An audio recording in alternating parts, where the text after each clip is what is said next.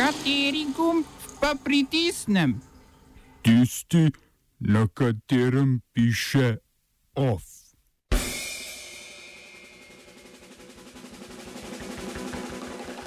Britanski premijejki grozi nezaupnica. Evropska komisija. Francija lahko krši proračunska pravila. Španija dviguje minimalno plačo za petino. ZDA bodo odobrile prodajo izraelskih lovcev v Hrvaški.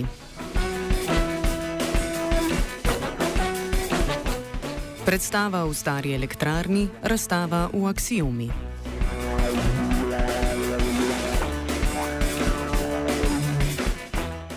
Izstop Združenega kraljestva iz Evropske unije se nadaljuje tako, kot se je začel, z razkolom v konzervativni stranki.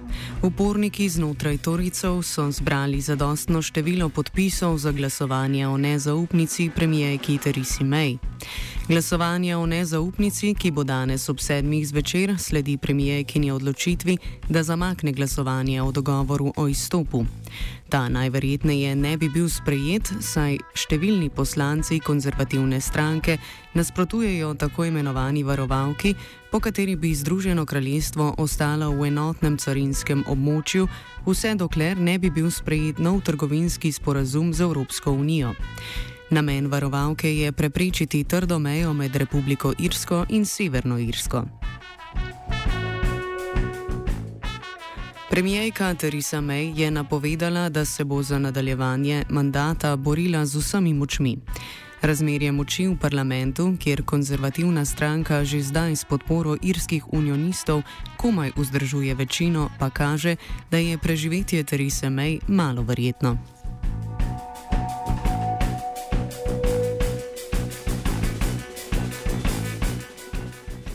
Francija lahko krši evropska proračunska pravila, meni Evropski komisar za ekonomske in finančne zadeve Pierre Moscovici. To naj bi bilo potrebno zaradi množičnih protestov gibanja rumenih jopičev. Francoski predsednik Emmanuel Macron je namreč v odzivu na proteste napovedal vrsto ukrepov, ki bodo državo stali približno 11 milijard evrov.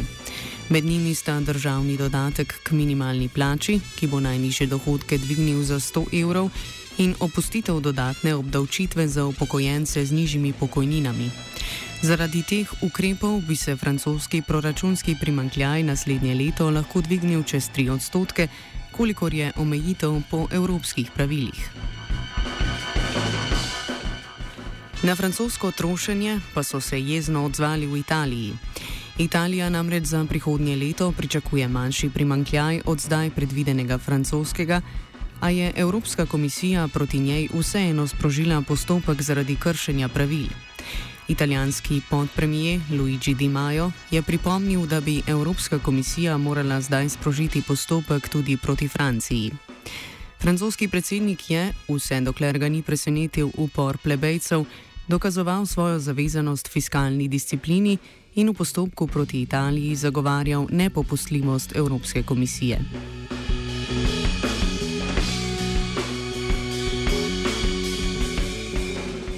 Španija bo z naslednjim letom dvignila minimalno plačo za dobrih 20 odstotkov.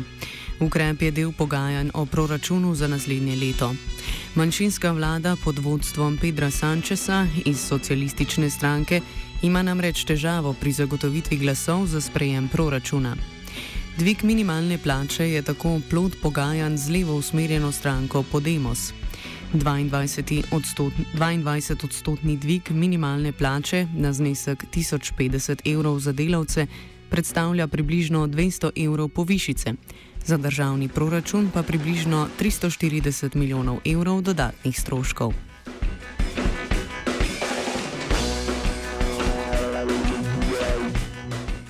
Evropska komisija bo podaljšala rok, do katerega mora Švica pristati na preureditev odnosov z Evropsko unijo.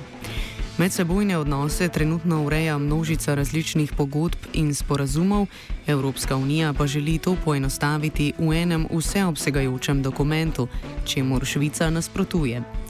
Posledično je Bruselj zagrozil, da ne bo podaljšal ekvivalentnosti švicarskim borzam. Brez tega Evropske banke in posredniške hiše po novem letu ne bi smele trgovati na švicarskih borzah. Švicari napovedujejo notranje posvetovanje o preureditvi odnosov, ki naj bi trajalo do spomladi, komisija pa je pristala na polletno podaljšanje roka za pogajanja.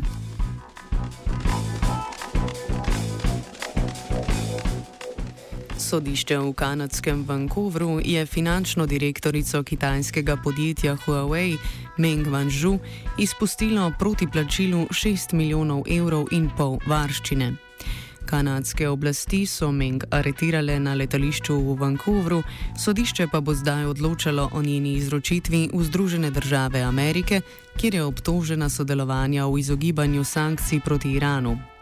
Kitajska je medtem aretirala nekdanjega kanadskega diplomata in uslužbenca nevladne organizacije International Crisis Group Michaela Kovriga.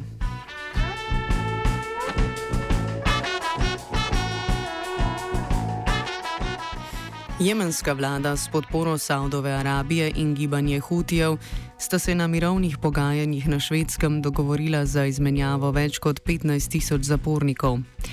Vlada naj bi tako izpustila približno 7500 ljudi, Hutiji pa približno 1000 več. Vlada med drugim zahteva tudi vrnitev trupla nekdanjega predsednika Alija Abdullaja Saleha. Saleh je bil sprva zaveznik Hutijev, po sporu pa so ga ti lani ubili. O vojni v Jemnu se je izreklo tudi slovensko društvo pisateljev. To slovensko vlado poziva k večjim prizadevanjem za reševanje humanitarne krize v državi, saj ocenjuje, da je končanje vojne za lokalno prebivalstvo življenskega pomena.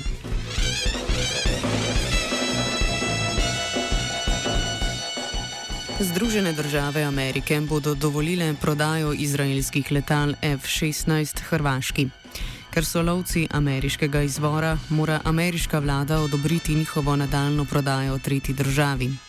Prejšnji teden je administracija Donalda Trumpa blokirala prodajo, saj bodo lovci, ki so bili proizvedeni v ZDA, opremljeni z izraelsko opremo. ZDA so zahtevale, da jih opremijo z ameriškimi instrumenti, kar pa sta Izrael in Hrvaška zavrnila. Ameriško zunanje ministrstvo je zdaj kongresu poslalo obvestilo o transferju letal tretji državi. Uh, Ovo ću, ću bom odgovoril na v angliščini. Uh, uh, Slovenija will try to help. uh, We can Slovenija will uh, and we will do our utmost to say that the situation is, our problem ourselves. and uh, We will uh, make further steps as soon as the conditions are uh, very, very serious. News from Slovenia. We know how and we will. Po imenovanju prve načelnice generalštaba slovenske vojske je prvo žensko voditeljico dobila tudi policija. Generalna direktorica je postala Tatjana Bobnar, ki je zamenjala Simona Veličkega. Bobnar je kariero začela kot kriminalistka, od leta 2009 pa je bila namestnica generalnega direktorja policije.